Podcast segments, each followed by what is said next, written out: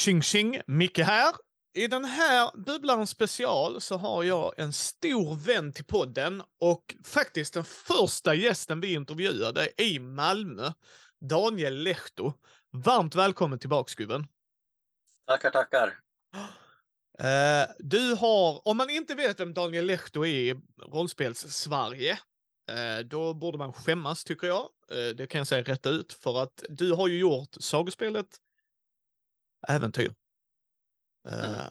Med din son. Nu står... ba barn. ja. Ja. ja, vi säger barn. vi vill, vill, vill, inte, vill inte bli kallad son utan barn. Ja, ja okej, okay. nej men då ja. så. Ja, då ja. rättar vi oss. Barn, eller alla dina barn har ju varit med på något hörn har jag förstått det som. För sen senare ja. iterationer har ju varit de andra barnen ju. Ja, men precis. Ja. Uh, och uh, du har skrivit till Handbok för superhjältar. Du har skrivit uh, sagospelet Rymd, sagospelet Skräck. Och så tänker man, jaha, men är det bara det? Nej, du har skrivit till Chock, du har skrivit ett äventyr till Call of Cthulhu Sverige. Är det något mer jag missar? Vad har du mer skrivit till? För du har ju ändå varit och, och rört dig lite. Jag har ju skrivit, eh, jag har bidragit med äventyr till eh, Thomas Arfers Fantasy, eh, mm. äventyrsboken. Sen har jag jobbat på, på Neo Games i början på 2000-talet så jag har ju varit inblandad i, jag ritade bland annat massor med vapenillustrationer till Neotech Offensiv. Eh, jag, jag, som är, jag som är vapenvägrare liksom. ja, men det är därför vi spelar rollspel. Då kan vi bryta karaktärer för oss själva. Ju. Ja, precis. Nej, så att du har ju verkligen mycket under ditt bälte och eh, du är en fantastisk person, punkt, tycker jag, för att du gör det som behöver göras. Vi behöver inkludera de yngre, för ska Micke kunna köpa när han är äldre så måste det vara yngre som också går in och köper. ja, men så är det ju. uh, men vi ska inte prata äventyrs, alltså sagospelet, sagospelet-spelen och sånt den här gången. Vi kommer absolut toucha in mer på sagospelet skräck, för det sa jag till dig. Jag skulle nog också kanske försöka ha med Hermansson där, för jag tror han också har lite frågor han vill ställa. Uh, men eh, du har ju en Kickstarter som kommer igång nu i maj. Jag vill säga 5 maj, rätta mig här nu. Eh, andra maj. Andra maj, tack.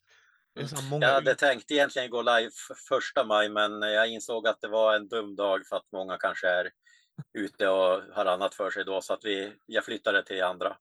Det gjorde du helt rätt i. Mm. Uh, men, och då undrar man varför liksom vad är det här för typ av Kickstarter om vi nu inte ska prata sagospelet, äventyrsspel och allt det där? Jo, det är ju så här att eh, du hjälper, gjorde i alla fall vet jag, hjälpte till med fria ligan. Du gör fortfarande va? Jag sitter ju på supporten där. Ja, precis. Som, ja. Mm. Men jag hade för mig, jag, det visste jag att du gjorde innan, men vi har inte haft, tyvärr haft möjlighet att prata så mycket nu på en tid. Men, så du har ju med dem att göra. Och de gav ju ut en tredjepartslicens för det otroligt lilla, knappt ihågkomna spelet Drakar och Demoner ju. Det är liksom inga... ja, det kan finnas en och annan som lyssnar på det som har varit i kontakt med det spelet. Ja. Det... Nej, jag skämtar såklart gott folk. Det är ju en ikon för rollspel-Sverige. Jag har backat den kickstarten och eh, ser fram emot det. Och jag ska prata med dem och kanske få loss lite på engelska för jag är jättenyfiken och se hur det översätter. Jag älskar Drakar och Demoner. Jag har aldrig, jag har, jo, jag har spelat. Jag har spelat med Robert Jonsson som du känner. Uh, i Alters vidder, hans podcast som uh, han utesluten spelar Drakar och Demoner och jag har fått nöjet att spela med några andra. Uh, så länge man har, kan spela ankor så är jag alltid där, det har jag sagt till folk. Så att det är så här, I mean. Just det. Men då ska du ha en Kickstarter, den 2 maj kommer den gå och jag kommer länka i show notesen gott folk. Eh, var ni kan gå in och så eh, subscriba heter det, liksom så här notify at launch. Så om ni vill så kan ni gå in där redan där. Men det är ju två produkter som du kommer nämna där i alla fall, som jag förstod det. Den mm. ena är ett äventyr. Ja. Och det andra är en monsterbok. Jajamän. Men om vi börjar då. Eh, vad betyder Drakar och Demoner för dig, Daniel? Eh, alltså det var, det var ju spelet som en gång fick in mig i hobbyn. Jag, eh, eh på den tiden så såldes ju de här spelen i typ på Domus och för det var inte första upplagan utan det var ju andra, andra upplagan av Drakar och Demoner jag fick eh, som Jan, Jan Edman distribuerade och då var jag på Domus, eh, typ Stora Coop, dåtidens Stora Coop eh, och eh, var på leksaksavdelningen så ser jag en pall med eh, några konstiga grejer och det är ett skitsnyggt omslag med grön himmel och en krigare som höjer sitt svärd. Och jag bara, jag visste inte vad det var, men det där vill jag ha. det var som, redan bilden sög in mig. Eh, och sen var jag fast efter det och det, det här är ju typ 83, 84 någon gång. Eh, så jag har varit, varit rollspelare sedan dess och Drakar och Demoner är nog det spel som jag spelar allra, allra mest i spelgruppen. Så att vi, eh, jag är uppvuxen med det, jag, jag har det lite grann i blodet. Eh, och det är fortfarande rollspelet med stort R eh, för mig. Ja, jag insåg det. Om det var 83 så är det 40 år sedan, Daniel. Ja, I know. Ja. Yes. Jag, vet inte vad det, det, det, jag vet inte vad det betyder, för så gammal är inte jag. Nej, du och jag är bara 25 fortfarande, så jag förstår ja. Absolut. Nej. men det är bara så intressant när folk tror att det inte är en hobby som varar 40 år, gott folk. Det är, det är en tid att minnas. Sen har man absolut säkert gjort uppbrott och dylikt och så, men det har du tagit igen med allt jävla arbete du har gjort tycker jag. Så att, ja, fast vi, vi, vi, har aldrig haft ett, eh, liksom, vi har vi har spelat varje år, fast all, det har inte varit jättemycket alla år, utan vissa år har det varit mindre på grund av att kompisar har gjort lumpen och, och eh, pluggat och, och, så här. Men, vi har aldrig haft en, en liksom rollspels... Eh, paus. Paus, nej. Nej. Uh, den första delen är ju ett äventyr. Om du ger hisspitchen för äventyret, vad handlar det om? Uh, äventyret heter ju Den brända jorden Eh, och det handlar om... Eh, eh det är... Eh, rollpersonerna är, befinner sig då i ett, ett rike som, som heter Nordmark.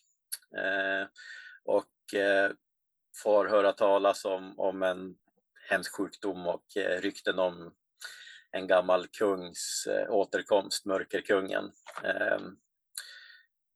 och det, det visar sig snart att hela, hela rikets och kanske världens framtid står på spel så att de måste göra något åt det här. Eh, och det är eh,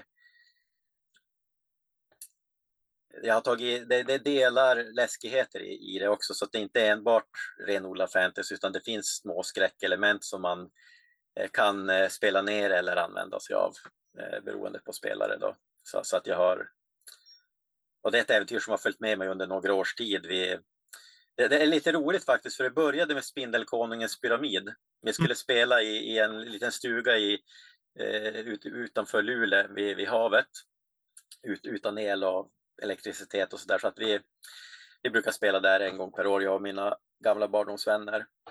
Eh, och då, då skulle jag... Vi, det var jag som skulle spela det där året och ja, Spindelkonungens pyramid hade en av killarna inte spelat.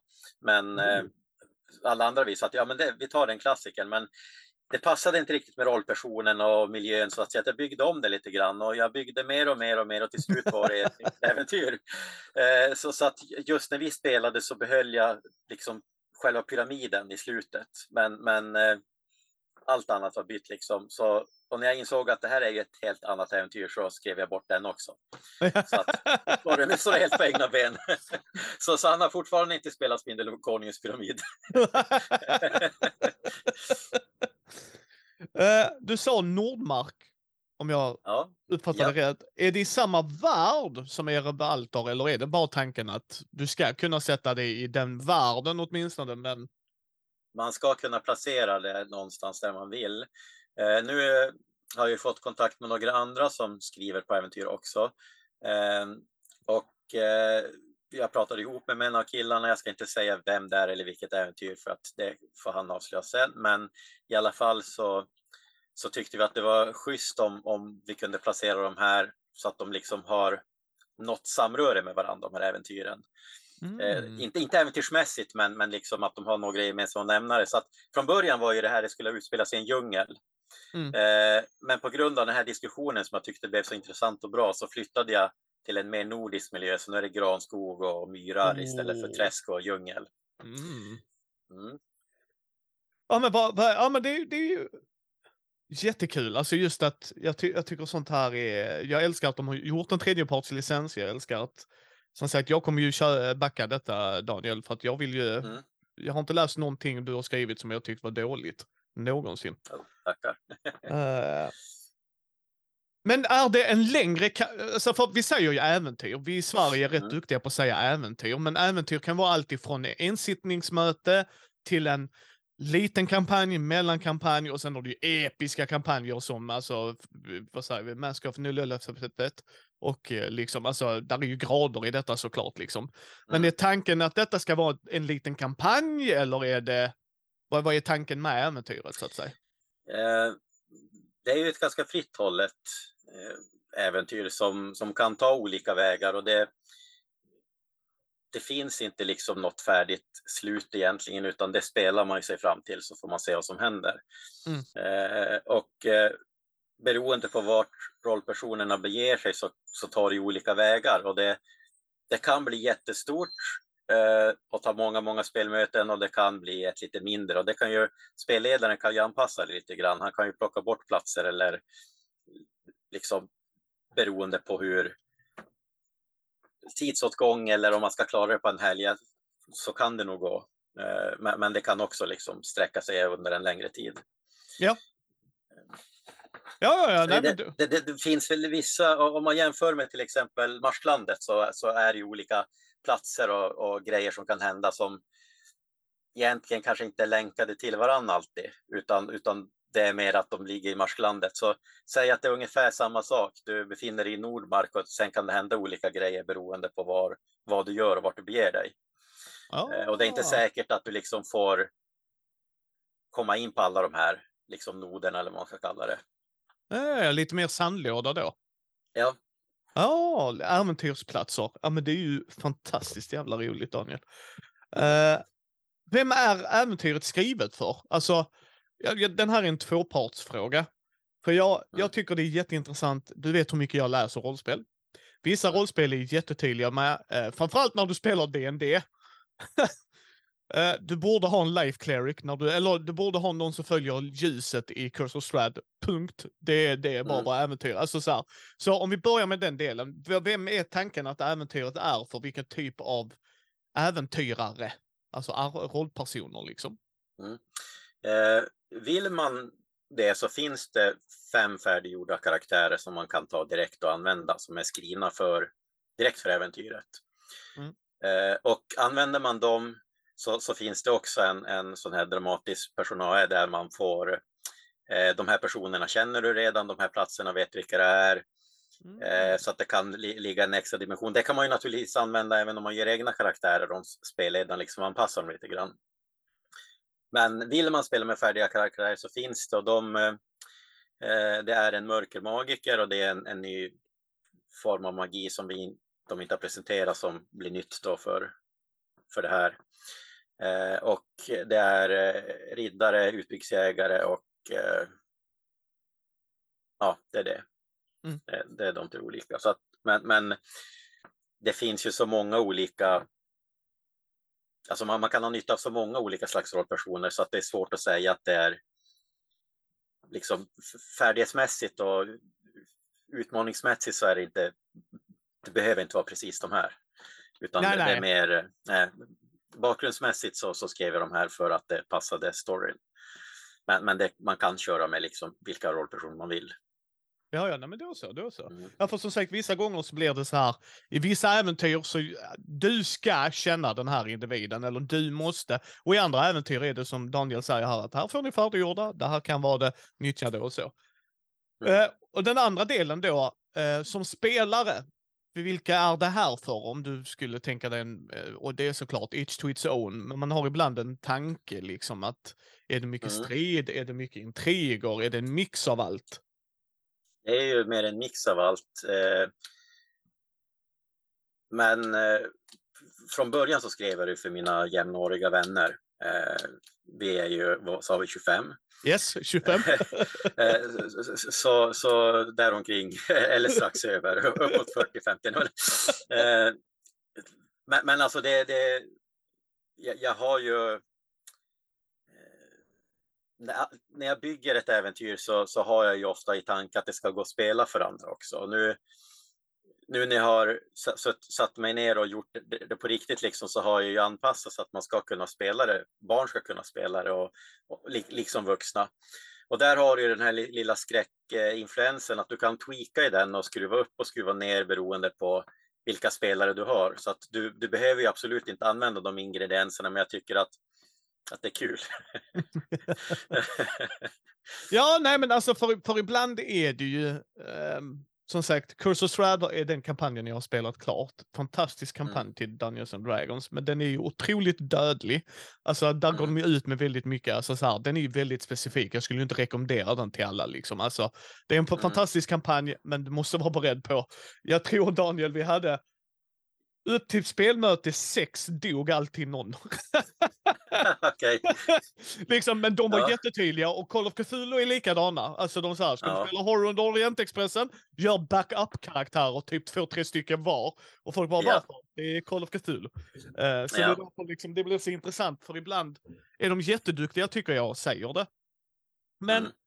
oftast när man får ett äventyr, så i, i beroende på vilken spelsättning och det så får man en ny, nytt stuff. Det kan vara nytt yrke eller nytt vapen eller ja, du vet, mm. som är, kan vara just för den miljön, men sen som man kan plocka vidare till sina andra grejer.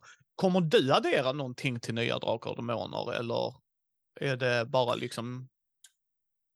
Alltså vi, eh, det, det, fanns ju inte mörkermagi. Det, mörkermagi som vi använder, det är, det är varken dåligt eller bra. Man kan använda det på ett bra sätt och man kan använda det på ett dåligt sätt.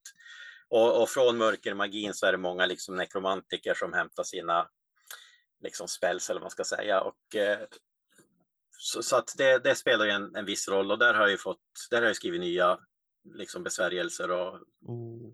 Så, så, så att det, det, det är ju nytt. Eh, sen, sen, får vi väl se om de släpper något officiellt sånt. Så, men, men det, det gäller väl så länge kanske, i, i alla fall i mitt äventyr. ja, nej, men det är, jag tycker sånt är jättekul för att nu fick jag en tanke. Jag skulle vilja spela, jag spelar ju Necromancer i kampanjen jag spelar nu, Shadow of the Dragon mm. Queen. Uh, men jag skulle vilja göra det som Anka kan jag ju säga. ja, ja varför, varför inte? ja, liksom det har varit så jätteroligt. Ja. Men, men det är därför så man kommer få lite mörkermagi och så, okej, okay, okej. Okay. Uh, hur många spelare är det tänkt för? För vissa äventyr, som sagt, återigen, nu kommer jag referera till Dungeons and Dragons, för det är det som kanske många lyssnare förstår. Säger, det gör Call of Cthulhu också. Så här många är det rekommenderat att köra. Sen får man ju tweaka alltid. Men mm. ibland har man en fast siffra, dels i hur du har spelat det med dina kamrater, att var ni fyra och du märkte att balansen var bäst där, eller alltså så. Men mm. hur, hur, många är det tanken för att man ska spela? Eh, vi har ju med fem färdiga karaktärer och det är väl någonstans eh, ganska lämpligt, tänker jag. Ja. Eh, men, men, som sagt, det, det går också att skruva och tweaka och, och det är ju jag har byggt in det i spelet lite grann också, att när, när du möter på fiender och så vidare så du kanske möter tre fiender eller en T6 fiender plus så många spelare som är med eller någonting liksom. Så att det, det, det är lite anpassat svårighetsgraden beroende på antalet spelare. Mm, fantastiskt jävla bra.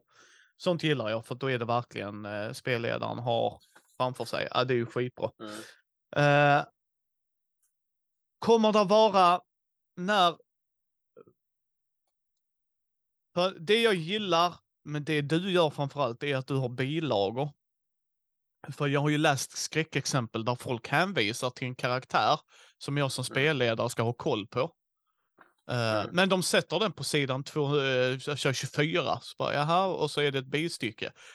Jag vill bara dubbelkolla, du kommer ha bilagor i denna va, så att jag inte behöver sitta och bläddra allt jävla för mycket i boken. Eh, det är ju, du tänker på handouts och liksom, ja. ja. Ja, alltså, alltså det är ju inte på, i grund liksom, men, men om vi, det går att låsa upp med, ju mer pengar vi får in desto mer sånt kan vi göra. Ja. Eh, och i, i, min eh, liksom drömvärld eller vad så, så kan jag ju släppa liksom både, både handouts, kartor, vikfigurer, eh, och, och, så vidare och så vidare. Så att det, det, potentiellt så kan det bli, bli väldigt mycket extra material. Vi får väl se. Ja. Eh, man vet ju aldrig hur det går liksom innan. innan. Nej, nej, så är det ju. Så är det ju. Vi kommer ju dela det när du släpper och eh, Mm. så för att vi tycker det här är jättekul. Hur många sidor ungefär? Eh, alltså i grunden. Sen som sagt om man lägger till saker så, så är det ju annat. Men vad är tanken just nu i alla fall? Själva äventyret när det är layoutat tror jag landar någonstans mellan sex, ja, 64 sidor eh, uppåt 70 någonstans. Kanske. Ja. Eh, det, det kan hända att det, det blir mer också. Det, eh, jag, jag, har ju, jag har ju bara gjort en liksom rough layout och eh, eh, alla texter är inte med där så att det är lite svårt att säga också. Plus att när jag lägger in en karta så kanske jag säger att ja, den här passar mycket bättre över ett uppslag liksom, eh, än, än på en sida. Så att det, layouten är ju, kan ju påverka ganska mycket i hur, hur tjock Mm. den blir. Men, men eh, under 64 tror jag inte att det kommer att hända. Det finns liksom inte. Men runt 100 som mest då just nu så att säga. Alltså, Ja. det- ja. Ja, ja, men bara så att man har lite, för vissa är ju Mm. 500 sidor stora. Ja, nej, det är ingen, ingen sån. Eh, är tanken mjukpärm eller hårdpärm? Eh, vi börjar ju med häftad, eh, typ som Mm. de gamla eh, häftena var. Men eh, det är också någonting som kan eh, uppgraderas beroende på hur kickstarten går. Så, så är ju hårdpärm ett av stretchgoalen. Ja. Eh, Jag, jag gillar ju bäst hårdpärm själv. eh, Det gör jag också. Men, ja, Mm. men, men jag förstår också varför. Eh, det ja, gör jag. det, det blir ju, tryckkostnaden ökar ju en hel del. Så att, Ja. Eh, vem har illustrerat det? Eh, jag har ju tre illustratörer nu och det är samma tecknare som var med och gjorde Sagospel Skräck. Jag är extremt nöjd med alla, alla deras arbeten. Så att, eh, och det började med att Rickard var med från början och sen, eh, sen så frågade jag Lasse Partanen och han bara ja men vad kul och så pratade jag med Peter Svärd och han bara ja jättegärna. så att nu, nu har vi Dr- Dream Team samlat igen. Eh, du har ju skrivit, som vi sa innan, till Chock, Call of Cthulhu, sagospelen och allt det där. Hur skiljer det sig att ha skrivit detta äventyret till dem? Eh, alltså processmässigt är det ingen större skillnad. Det, det är väl att när jag, när jag skrev Call of Cthulhu så kopplade jag bort den här tanken att det ska kunna passa för barn också. Varför det? Eh, Varför det Daniel? Ja, det kan, det kan man...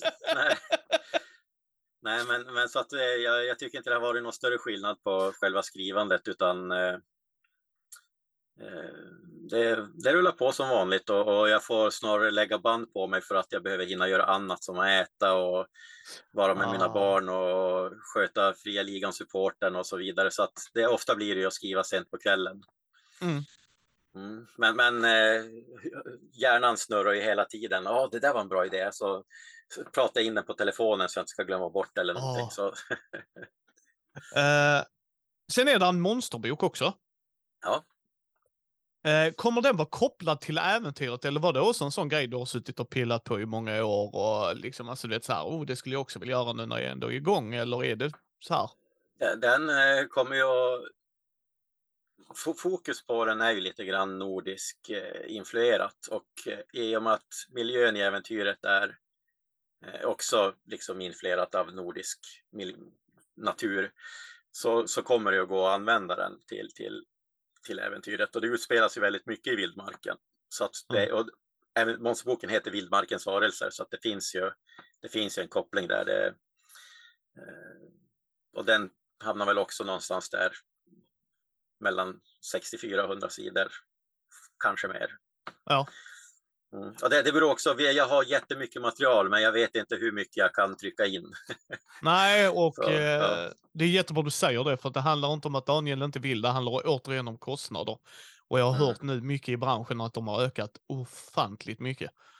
Alltså så sen pandemin kom så, ja. Ja. Och, och, och det kan jag ju berätta om Sagospelsskräck också, att vi eh, på tal om tryckkostnader så, så tog jag ju offerten innan pandemin. Eh, och så gick det ju liksom nästan ett och ett halvt, två år eller var det innan vi tryckte spelet och då fick jag en ny offert för att den hade vuxit och priset gick ju upp nästan 40 procent. Oh ja, jävlar. Så, ja. så, så, så, att, och det var ju liksom ganska tufft att, att, ta den extra kostnaden. Det var ingenting som täcktes av Kickstarter liksom. Men, men det har ju sålt så pass bra så att vi har i alla fall fått tillbaka pengarna. Ja. Vilket jag är glad för. Ja, men det, ja, det är ju tur det är ju. Uh, men för att då tror det folk så här, måste jag köpa den boken för att kunna spela äventyret? Uh, nej, alltså ja, teoretiskt måste du inte det, men, men uh, där har du lite otur för att lägsta backarnivån är för båda böckerna. ja, ja, men okej, okay. nej, men då så, nej, men då så, då är jag med, då spelar det ingen roll där. Ja, utan nej, för... alltså du, du, du, du backar båda böckerna i ett och så. Ja. ja. Ja, men då så. Eh, för vissa gånger så gör de det inte tydligt kan jag ju säga. Eh, Nej, just det. Alltså bara, ja okej, okay. ja så kollar du i bok två, bok två. Bara vänta mm. lite här nu, sen är mycket samlare som Daniel ser bakom mig. Liksom. Ja. Uh, men okej. Okay. Och eh, det är nordisk fokus. Eh, hur många monster är tanken för folk som är intresserade av det? Ungefär. Um, vi, vi, har ju, först har vi ett, ett uppslag där vi presenterar monstren och sen har vi i regel ett uppslag efter det här presentationen där vi presenterar monstret habitat med karta, äventyrshändelser, liksom lite korta beskrivningar och så. Eh, så, så att säga att åt, åt, varje monster går åt fyra sidor ungefär. Eh, mm. Och så om, om vi hamnar någonstans mellan 72 och 100 sidor så blir det säg 20-25 monster någonstans. Eh. Det är nice. Det är nice. Mm. Uh, och det är samma sak där, det kommer som först som mjukparm och eventuellt kan uppgraderas till hårdparm då antar jag. Ja, precis. Och de följs ju åt liksom, låser vi upp hårdperm, då blir det för båda böckerna och, och så vidare. Ja. Så att det, ja. Uh, vad kommer vad kommer lägsta nivån kosta? Om du går igenom de olika nivåerna jag har tänkt just nu. Eh, mm. Vi sätter en brasklapp, det här kan ju kanske förändras för att eh, vi spelar in detta den 20 april. Så gott folk, mm. det kan hända lite och lite så emellan. Men om vi tittar nu, inspelande stund. Eh, lägsta nivån är ju pdf enbart och det är 250 kronor. Ja. Eh, och backar, backar du båda, båda böckerna så är det 400 kronor. Och då får du ju både pdf och fysisk, eh, fysisk bok. Ah, och då är det bägge ja. böckerna för 400? Det är bägge, jajamän. Ja, eh, och som pdf då också. Mm. Uh, är det andra nivåer då, eller är det de två nivåerna ni kommer köra på? Nej, det finns fler. Det finns ju liksom eh, hjältenivå där man kan få en karaktärsillustration och det finns eh, för butiker och det finns lite, lite varianter också på, på det ja. där. Så att, mm. Uh, och sen gissar jag väl på som standard så att folk är beredda på det. Fraktkostnader kommer efter Kickstartern. Uh... Vi brukar göra så, fast det har varit så mycket. Vi, vi brukar ju administrera för det mesta eh, Pledge Managern via vår egen webbshop och det har varit mycket strul med det där. Eh, framförallt kanske i vårt fall för att vi vänder oss till många förstagångsbackare i och med att många av våra spel har vänt sig till yngre spelare. Ja. Så, att, så att vi har, nu är det inte samma sak då, men, men, vi har diskuterat lite grann och ändå kommit fram till att vi, vi tar betalt för frakten i Kickstarten direkt så är alla betalningar är gjorda redan. Ja, ja men det är så. Ja. Uh, ja, men då är det, det, tack så mycket Daniel för den clarificationen, för det, då vet man. Då vet man, det mm. gillar jag. För vissa är inte alls tydliga med det heller. Uh, Kom, du sa, nämnde, vilka stretch goal kan du nämna som du känner dig ändå så här, om man får en liten försmak, vad, vad tankarna är från dig? Mm. Vi har ju, dels så kan vi lägga till fler sidor i böckerna, så, som sagt monster har vi har jag skrivit hur många som helst, så att där finns det ju att fylla på upp till en tjock bok. Eh, men, men sen är det ju vi, kartplanscher över liksom Nordmark, den här landet som, som riket som det utspelas i. Det är eh, kartplanscher över andra platser som är viktiga för äventyret. Eh, vikfigurer är stretch goals. Eh, eh, ja, och sen har vi ju, jag har skissat på, på stretch goals upp en ganska bra bit och sista som vi har lagt in det är att vi samlar de här i en box. Mm. Eh, ja, en annan eh, som jag måste också peta lite på det är ju vi släppte ett äventyr eh, 2017 eller 2018 som heter Bodonius eh, förbannelse. Eh, och det, det, det, det är också så lite på gränsen att det var för äldre spelare redan då. Eh, men, men det äventyret har jag lagt in som stretch goal så att når vi den här då, då, då gör jag om det här äventyret till Drakar och Demoner, uppdaterar det och skriver, skriver om det och eh, släpper det liksom som en fysisk, så då får man ytterligare en 3D-bok utan att man betalar extra för den. Ja. Mm. Ja, men fasiken var kul. Fasiken var kul. Mm. Uh, hur pepp är du? Uh,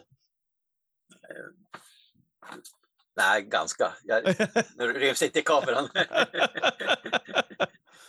ja, nej men absolut. Det, jag, jag, tror inte vi har gjort någon hemlighet någonsin av, av eh, drak, alltså våra Drakar och Demoner-influenser. Om man tittar på första eh, äventyr som vi släppte som pdf och som ett litet liksom, fanzin som vi kopierade upp så var det ju, det var ju den här gröna himlen och en, en krigare som höjde ett svärd mot, mot den och stod på ett drakhuvud.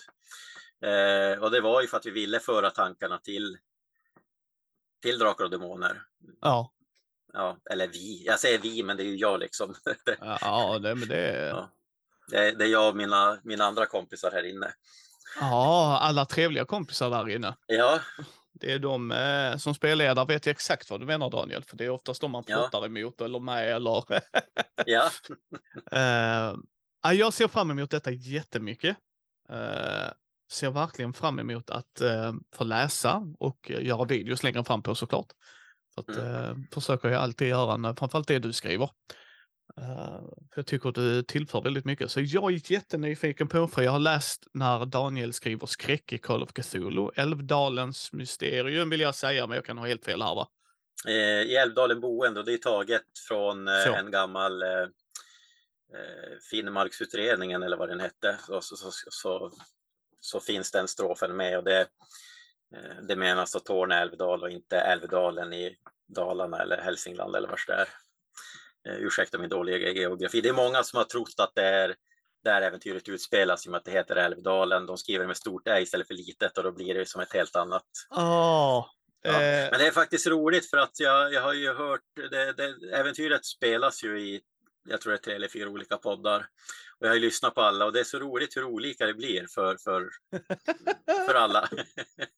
Ja, men jag tycker det, ja. det måste också väl vara kul, tänk eller måste. Jag kan anta att det kan vara kul att höra just tack vare vi har actual plays idag. Att höra mm. folk för jag menar, det som kreatör måste väl vara spännande. För jag vet Där är väl någon podd som har spelat i alla fall sagospelet mm. Äventyr, mm. att få kunna höra ja. det också, allt sånt där. Hur känns det för mm. dig som kreatör att få höra sådana saker komma till liv? Ja, det känns ju jätteroligt. Eh, och jag, jag brukar säga att jag är som inte så känslig mot förändringar och så länge det blir en bra grej liksom så eh, men, men, men eh, just det här med dialekten i, i det här området, är ju, man, det är ju mycket man bryter på finska och, ja. och så här. Eh, och så åker man liksom sex mil mot Överkalix och då har man en, en, en helt annan dialekt. Men det är liksom bara sex mil. Och i en av de här poddarna så hade de den här Överkalix-dialekten, Överkalixbonskan lite grann, istället för den finska. Och det, det, tog liksom ett helt avsnitt för mig att, att vänja mig vid, vid det. De gjorde ett jättebra jobb. Eh, så, så, att, men det var, det var ändå svårt, i och med att jag vet hur de pratar så, så blev det för, för mig blev det lite, ja men det där så pratar de ju liksom i hoppet och jockfall och... ja men då så, då så. Det, tack så mycket att du tog dig tid Daniel. Jag hoppas detta mm. ger lyssnarna någonting. Jag tänker släppa detta på tisdag nästa vecka för dig. Så att eh, det kommer att vara någon vecka innan här så att folk hinner lyssna sig in och peppa. Uh, jag skickar länken till dig som vanligt gubben. Uh, mm. Om du vill sprida det vidare eller hur du vill göra. Men ja, uh, vi kommer att höras fler gånger. Daniel blir inte av med mig. Så att så är det. Fortsätter han skriva awesome-grejer så kommer jag stå där och peta på honom med en pinne. bara du. Det är, he det är helt okej. Okay. jag är jättetaggad på att få läsa det här och kolla hur långt Kickstarten går. Där är ju en stor fanbase för det här och jag såg också att det var några från eh, amerikanska forumet, som, eller så här engelskspråkiga forumet, så här, kommer där på engelska. Vilket jag tycker är också så jätteroligt att det når ut lite, för jag tror verkligen Mm. fria ligan har gjort en bra grej att reviva det och ändå modernisera det. Sen vet jag att det är många som lever i nostalgin och tycker att det ska vara som en viss utgåva, vilken du än nu må vara. Men Mm. Micke lever i nuet och ska vi få in folk att spela så måste vi förändra. Vi kan inte leva i det förgångna alltid. Jag menar, det, det är ju så, liksom, spelbranschen utvecklas ju också. Det, om, om man ska göra bara samma upp- upplaga igen, liksom, då kan man lika gärna köpa en, ett begagnat spel. Det, Ja, Ja, och, och, och de som är liksom 7, 8, 9, 10 idag skulle kanske inte tilltalas så mycket av, av gamla svartvita, ganska enkelt utformade Drakar och Demoner ändå, utan ja, men jag tycker de har lyckats jättebra med eh, modernisering och liksom det, det, ja, det är ett gediget arbete. ja, och jag är sjukt nyfiken på att läsa det och få spela det. Jag funderar, jag har sagt det till folk i podden också, att jag vill spela ju Drakar och Demoner. Eh, Mm. Alltså spelleda också och göra min take på det. Så att jag ser fram emot det jättemycket och ser Mm. fram emot att få läsa ditt spel. Så vi önskar dig all lycka till Daniel nu med Kickstarten som kommer. Ja, Eh, tackar. Det kommer att vara länkar till var man hittar Daniel om man går in och ja, köpa sagospelet Skräck. Eh, det tycker jag att man ska göra. Punkt. Det typ... Det, då, det är jätteviktigt då att man inte far till Daniel Lektor i Malmberget utan man far till Daniel Lektor i Bureå i så fall. För, för er som har läst sagospelet Skräck. ja, det stämmer. Eh, men jag kommer länka alla dina grejer i show notesen och där kommer också vara gott folk eh, länken till Kickstarter notificationen. Liksom så här, notifiera mig när den går live. Så kan man gå in där och ja, säga peta på mig när den går live. För det brukar jag göra på projekt jag tycker är intressant. Så får man en notis så glömmer man inte bort det på det hållet. Um, så det kommer hittas i show notesen och ehm, nu glömde jag säga det innan, men eh, jag, grattis till alla priser du fick från uh, Phoenix Awards. Ja, men tack så jättemycket. Det var fantastiskt roligt. Eh, det, var ju nominerade i väldigt många kategorier så jag trodde att det skulle bli något eller några, men jag vågade som ändå inte tänka att det skulle bli desto mer. Men, men eh, det, det var väldigt hedrande. Det kan jag tänka mig. Phoenix betyder Mm. väldigt mycket både för dig och mig tror jag. Så, att, Mm. eh, så det kan jag absolut tä- tänka mig. Så det är ett stort grattis till dig där. Ehm, för det var mycket för sagospelet skräck. Och sen var det ju också eh, det fördömda som du gör ut. Mm. Ja, precis. Eh, Ja. Vi fick ju guld eh, för bästa regler för skräck och silver för bästa regler för de fördömda. Ja. Så, så där, där tog vi alla, alla priser. Så att eh, länkar där till webbutik och allt. Gå in och kolla vad Daniel har gjort där. Eh, fantastisk människa, punkt gott folk. Och så eh, hörs vi nästa gång Daniel. Ja, men absolut. Ha det så jättebra. Tack så mycket för att jag fick vara med. Ja,